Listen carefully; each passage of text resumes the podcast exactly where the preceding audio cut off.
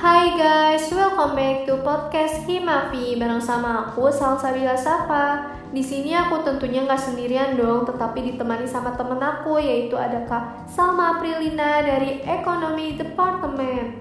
Nah, di episode kali ini podcast Himavi bakal membawakan tema yang berbeda nih dan gak kalah menariknya dengan pembahasan di episode sebelumnya. By the way, teman-teman yang belum dengerin episode sebelumnya bisa didengerin ya. So back to topic. Jadi di episode kali ini kita bakal bahas soal percuan-cuanan mahasiswa nih. Yang pastinya podcast ini sangat bermanfaat untuk kalian para pendengar. Karena di sini kita juga bakal kasih tips and trick buat kalian para remaja yang ingin mencoba bisnis tapi takut untuk memulai. Oke, tunggu apa lagi? Langsung aja ya dengerin podcast kita yang berjudul Pentingnya Small Business di kalangan mahasiswa. So, hi guys. Uh, kenalin, aku Salma Aprilina Kurniawan biasa dipanggil Salma dari Fisika 2019 dan di Himavi 2021 ini aku dapat role sebagai kepala departemen di ekonomi alias departemen baru yang ada di Himavi salah satu departemen baru yang ada di Himavi kayak gitu. Salam kenal semuanya. Pertama-tama aku mau nanya nih ke Kak Salma. Menurut Kak Salma, penting gak sih buat anak muda atau mahasiswa mencoba small business di umur yang masih remaja ini? Oke, pertanyaannya penting gak sih kita memulai small business dari umur umur kita yang sekarang atau di masa sekarang gitu? Menurut aku penting banget.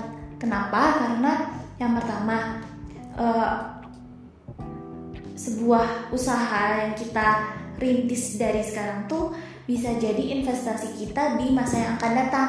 Nah, kayak gini. Misal contoh ya kita kerja di sebuah perusahaan, perusahaan penelitian lah katakan. Kita di situ sebagai uh, apa ya istilahnya kayak kerja tetap kita kayak gitu.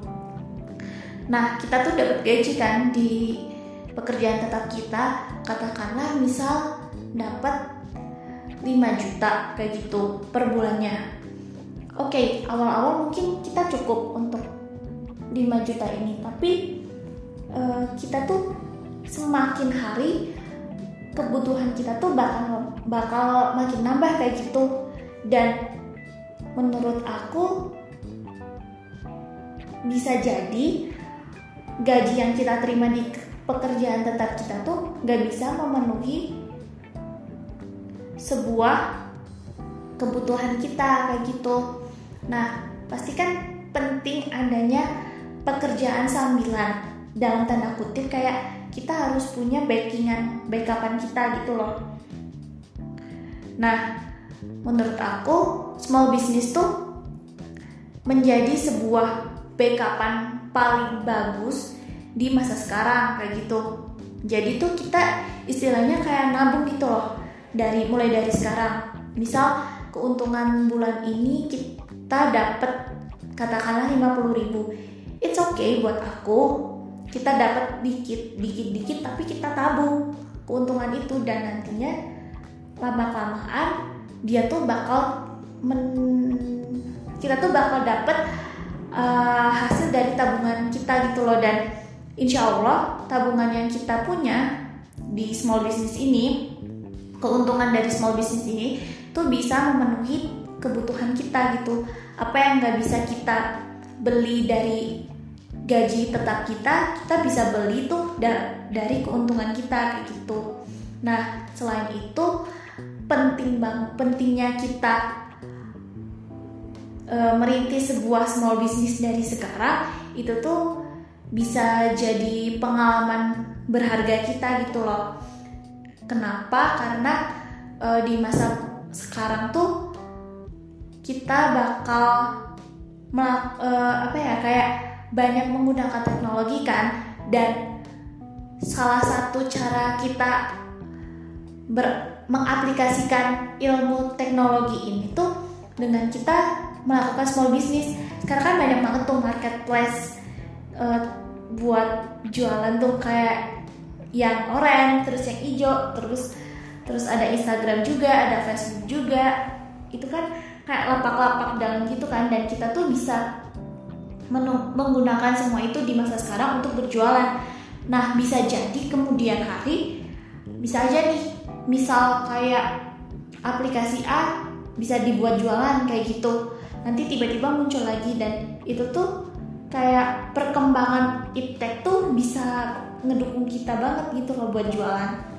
Kayak gitu sih, makanya aku bilang kenapa penting kita merintis usaha dari sekarang uh, yaitu yang pertama menjadi investasi panjang buat kita terus yang kedua tuh bisa melatih kayak keterampilan kita dalam mengaplikasikan teknologi terus bisa melatih soft skill kita bisa melatih uh, tentang content writer tentang desain terus tentang banyak hal dan tentang cara gimana sih cara kita berkomunikasi yang baik dengan seseorang. Kayak gitu sih kalau dari aku Iya betul banget tuh apa kata Kak Salma Di umur yang masih remaja ini penting loh untuk kita mencoba small business atau membuka usaha baru kecil-kecilan. Karena di umur remaja ini tentunya banyak kebutuhan dan keinginan yang kita mau. Tentunya kalau kita minta uang ke orang tua kan aku membebani ya.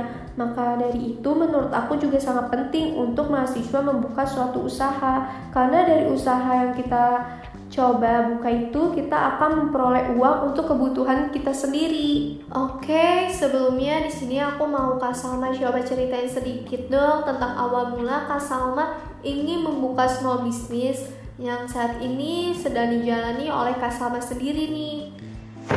Oke, pertanyaannya, penting gak sih kita merintis usaha dari umur sekarang? Buat aku sendiri itu penting ya. Kenapa? Karena e, nantinya semakin hari itu kebutuhan kita akan suatu hal itu tuh akan semakin banyak kayak gitu. Dan menurut aku dengan kita berusaha memiliki usaha atau bisnis itu tuh bisa ngecover keperluan kita yang nggak bisa kita uh, apa sih nggak bisa kita beli ataupun nggak bisa kita dapatkan gitu.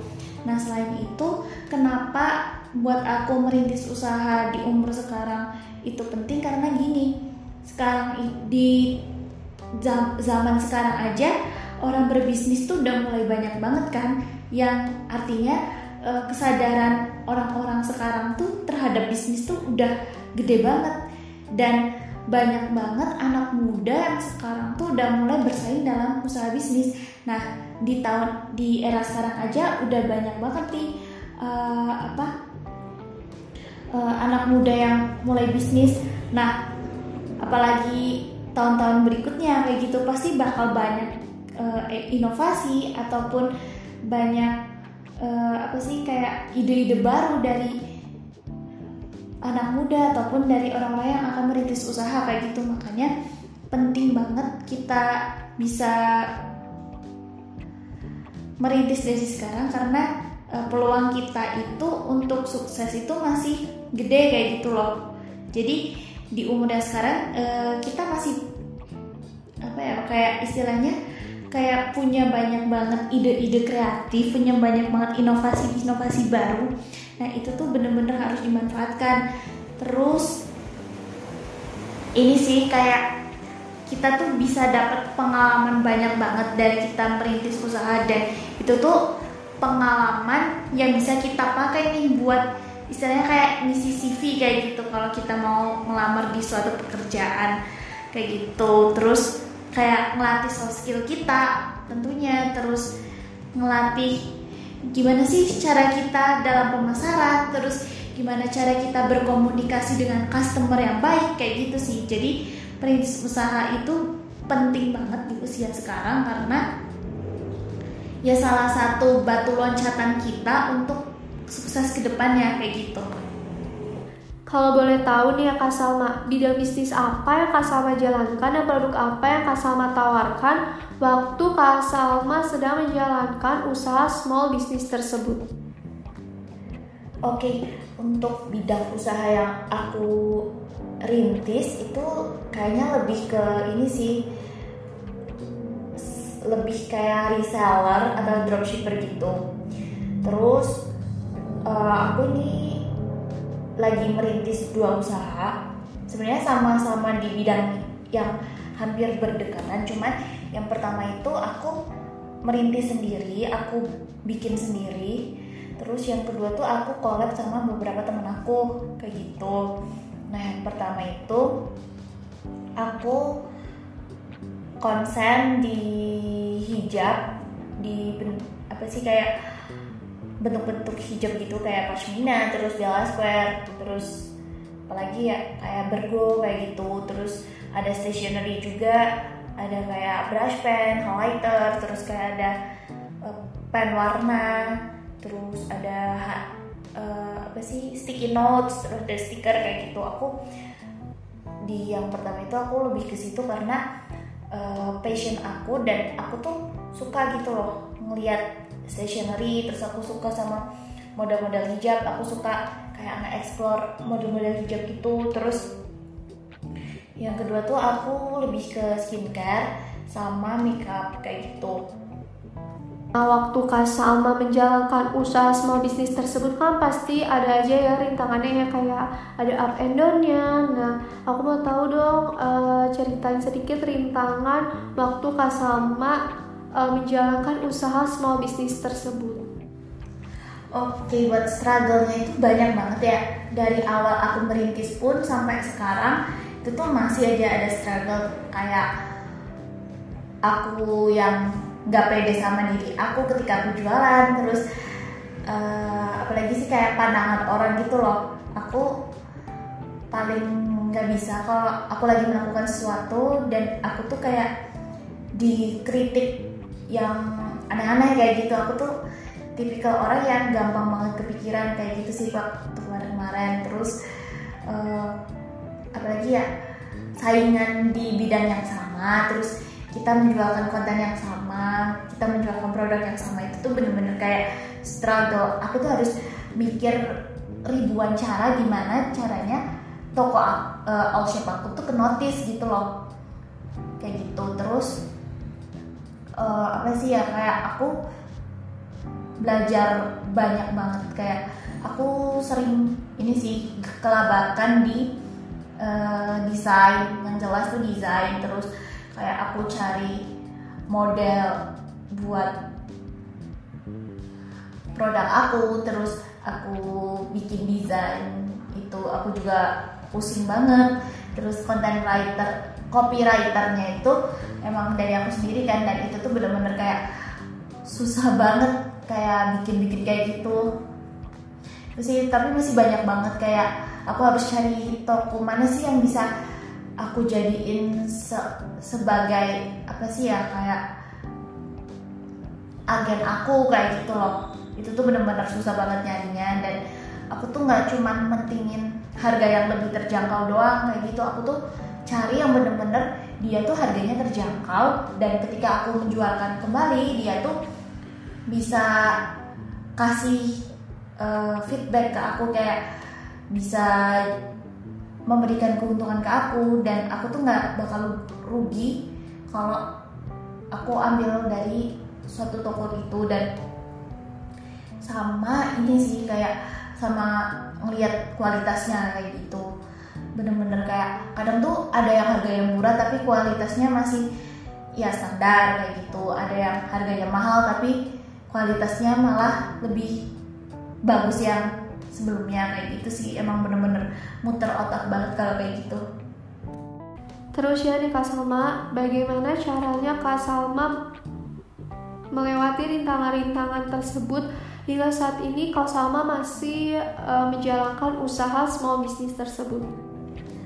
Cara aku solve struggle aku itu salah satunya yang jelas aku tuh banyak banget belajar kayak gitu. Kayak aku sering banget uh, dengerin tentang podcast-podcast bisnis terus aku sering ikutan webinar terus aku sering banget cari-cari konten tentang uh, gimana sih kita merintis dan mengelola suatu usaha di YouTube. Terus kadang di TikTok pun aku lebih sering ngeliat yang kayak gitu gitu loh. Jadi gimana sih cara pemasaran yang baik? Cara apa sih kayak kita berkomunikasi dengan konsumen kayak gitu yang baik tuh kayak gimana. Terus kayak aku tuh sering banget ini sih cari-cari informasi. Kayak aku tuh sering sharing gitu sama teman aku yang udah uh, rintis bisnisnya duluan. Kayak ada teman aku yang udah mulai jualan makanan terus ada beberapa juga yang udah mulai jualan. Ya sama kayak aku jualan hijab dan lain sebagainya. Tapi aku nggak pernah ngerasa bersaing dengan temen aku itu kayak kita tuh harus sharing itu loh apa yang menjadi struggle aku mungkin dia nggak ada di situ struggle-nya gitu loh. Jadi aku tuh harus bener-bener kayak gali lebih banyak tentang pengalaman mereka kayak gitu. Terus sama aku tuh sering banget tanya ke mama papa aku yang notabene juga uh, dia eh mereka lulusan dari perekonomian kayak gitu. Lulusan dari fakultas ekonomi. Jadi ya ilmu mereka tentang ekonomi jauh lebih bagus daripada aku yang cuman tahu dasar banget kayak gitu. Sering banget aku tanya kayak e, mah pak kalau aku jualan ini dengan harga segini harga aslinya segini terus aku dapat untung segini dengan kualitasnya seperti ini bisa nggak ya ini laku? Atau bisa nggak ya nanti produk aku ke notice sama orang-orang? Terus aku juga sering banget uh, lihat-lihat kayak pemasaran yang ada di Instagram terus cara mereka promosiin jelas aku tuh bener-bener belajar banget kayak gimana sih cara uh, promosi yang sekarang ini kan aku lebih kayak promosi lewat jalan tikus kan bahasanya tuh kayak ketika temen aku butuh sesuatu aku selalu bilang eh di toko gue ada nih kayak gini kan. Terus kayak ya itu sih salah satu cara yang bagus banget buat aku belajar tuh kayak eh buat aku solving dari struggle aku tuh adalah aku tuh banyak banget belajar dari orang-orang yang udah lebih tahu gitu loh gimana sih sulitnya di dunia bisnis kayak gitu. Oh ya, aku juga mau nanya nih kak, uh, strategi apa saja yang kak Salma terapkan agar usahanya berjalan dengan baik sampai saat ini? Kasih tahu dong kepada kita nih para pendengar uh, strateginya apa aja supaya nanti pas kita mau buka usaha small business tuh kita udah tahu sedikit-sedikit strateginya dari kak Salma. Oke, strategi pemasaran lebih ke strategi pemasaran kan ya ini berarti. Hmm, aku lebih cocok di pemasaran langsungnya itu lewat kayak kita nawarin ke orang kayak gitu terus sama paid promote juga terus kalau secara tidak langsungnya kayak ini sih lebih ke ketika aku lagi ngobrol sama teman sama orang-orang yang baru aku kenal ketika mereka menemukan kesusahan dan kebetulan solusinya ada di bisnis aku aku bilang ke mereka kayak eh, nggak uh, usah khawatir gue gue gue ada loh ini ntar lu tinggal calling gue aja kayak gitu. Terus tapi ini sih kayak uh, strategi yang pas itu balik lagi ke kita gitu loh. Kita tuh lebih prefer ke mana dan impactnya tuh lebih gede di mana? Di eh impactnya itu lebih besar yang mana? Kayak gitu di toko kita. Nah kalau buat aku sendiri strategi pemasaran tuh penting banget kita pelajarin karena gini di masa sekarang ya di era globe di era uh, apa sih kayak global sekarang terus apalagi sekarang masih pandemi itu banyak banget orang yang berlomba-lomba mencari pendapatan lewat uh, small business terus sama kayak online online shop kayak gitu. Mereka tuh mulai merintis tuh mulai sadar bahwa uh, pendapatan mereka tuh nggak cukup loh kalau cuman dari pekerjaan tetap harus ada pekerjaan selingan. Nah makanya tuh banyak banget kan orang-orang yang berlomba-lomba untuk buka-buka uh, apa sih kayak small business kayak gitu. Dan menurut aku mereka beberapa dari mereka tuh cuma asal buka doang gitu loh. Nggak mereka tuh nggak mikirin ke depannya tuh bakal kayak gimana. Jadi tuh dari aku sendiri perlu adanya kita uh, ngeplan punya jurnal plan gitu. Jadi ada kalau aku sendiri ya aku tuh bikin sampai plan uh, plan A atau plan apa ya aku lupa ada di jurnal aku itu aku nyampe ngeplan. Misal nih awal aku jualan hijab. Aku lihat tuh uh, pendapatan aku di jualan hijab tuh berapa keuntungan yang aku dapat tuh berapa. Terus bisa nggak sih duitnya muter kayak gitu. Nah habis itu uh, aku mulai jualan uh, stationery gitu kan. Habis itu aku lihat nih oh kok turun kayak gitu. Terus habis itu kayak aku akhirnya beralih ke plan B dan sampai plan yang lainnya kayak gitu loh. Jadi biar kita tuh nggak stuck di satu tempat kayak gitu. Terus apa sih ya? Kayak harus pinter-pinter uh, bisa promosi sih. Kayak kita istilahnya kita jadi sales dari uh, toko kita sendiri kayak gitu loh. Dan salah satu menurut aku salah satu uh, apa sih kayak strategi yang bisa kita lakuin demi toko kita? Uh, I mean like all shop kita itu bertahan adalah kita tuh selalu explore apa sih yang dibutuhin masyarakat saat ini apa sih yang sedang hype dan kita tuh bikin inovasinya kayak gitu loh. Dan menurut aku tuh sebuah keunikan dan sebuah inovasi itu tuh adalah nilai penting dari sebuah all shop atau small business kayak gitu sih. Oh ya, aku mau nanya lagi nih Kak Salma, di media sosial mana saja Kak Salma memasarkan produk-produk yang Kak Salma jual tersebut? Oke, buat in, uh, sosial media yang aku pakai untuk jualan itu aku pakai dua, yang satu itu Instagram, yang satunya itu uh, lebih ke WA sih. Soalnya kayak untuk bikin uh, Shopee terus bikin Tokped bikin kayak uh, mar marketplace yang e-commerce itu uh, aku belum berani kayak gitu. Jadi kayak sistemnya aku masih lebih ke individu banget sih jualannya. Jadi itu kayak apa apa aku sendiri apa apa aku sendiri kayak gitu. Bahkan uh, ngirim ngirim ke kurir ekspedisinya aja aku masih sendiri kayak gitu. Nah buat teman-teman yang kepo aku jualan apa aja itu uh, sekalian promosi ya. Jadi uh, teman-teman bisa search aja di Instagram itu namanya hi.momoye kayak gitu. Nanti di situ ada nomor aku ada akun Instagram aku bahkan kalian kalau emang mau jual mau tanya-tanya bisa DM aku di situ kayak gitu dan kalian juga bisa kalau mau lewat WA juga bisa cek ke aku kayak gitu. Bagaimana uh, dengan keuntungan yang Kak Salma peroleh dari berbisnis uh, online shop seperti itu? Uh, kalau keuntungan secara finansial uh, buat aku sendiri itu udah alhamdulillah banget dapat uh, segitu.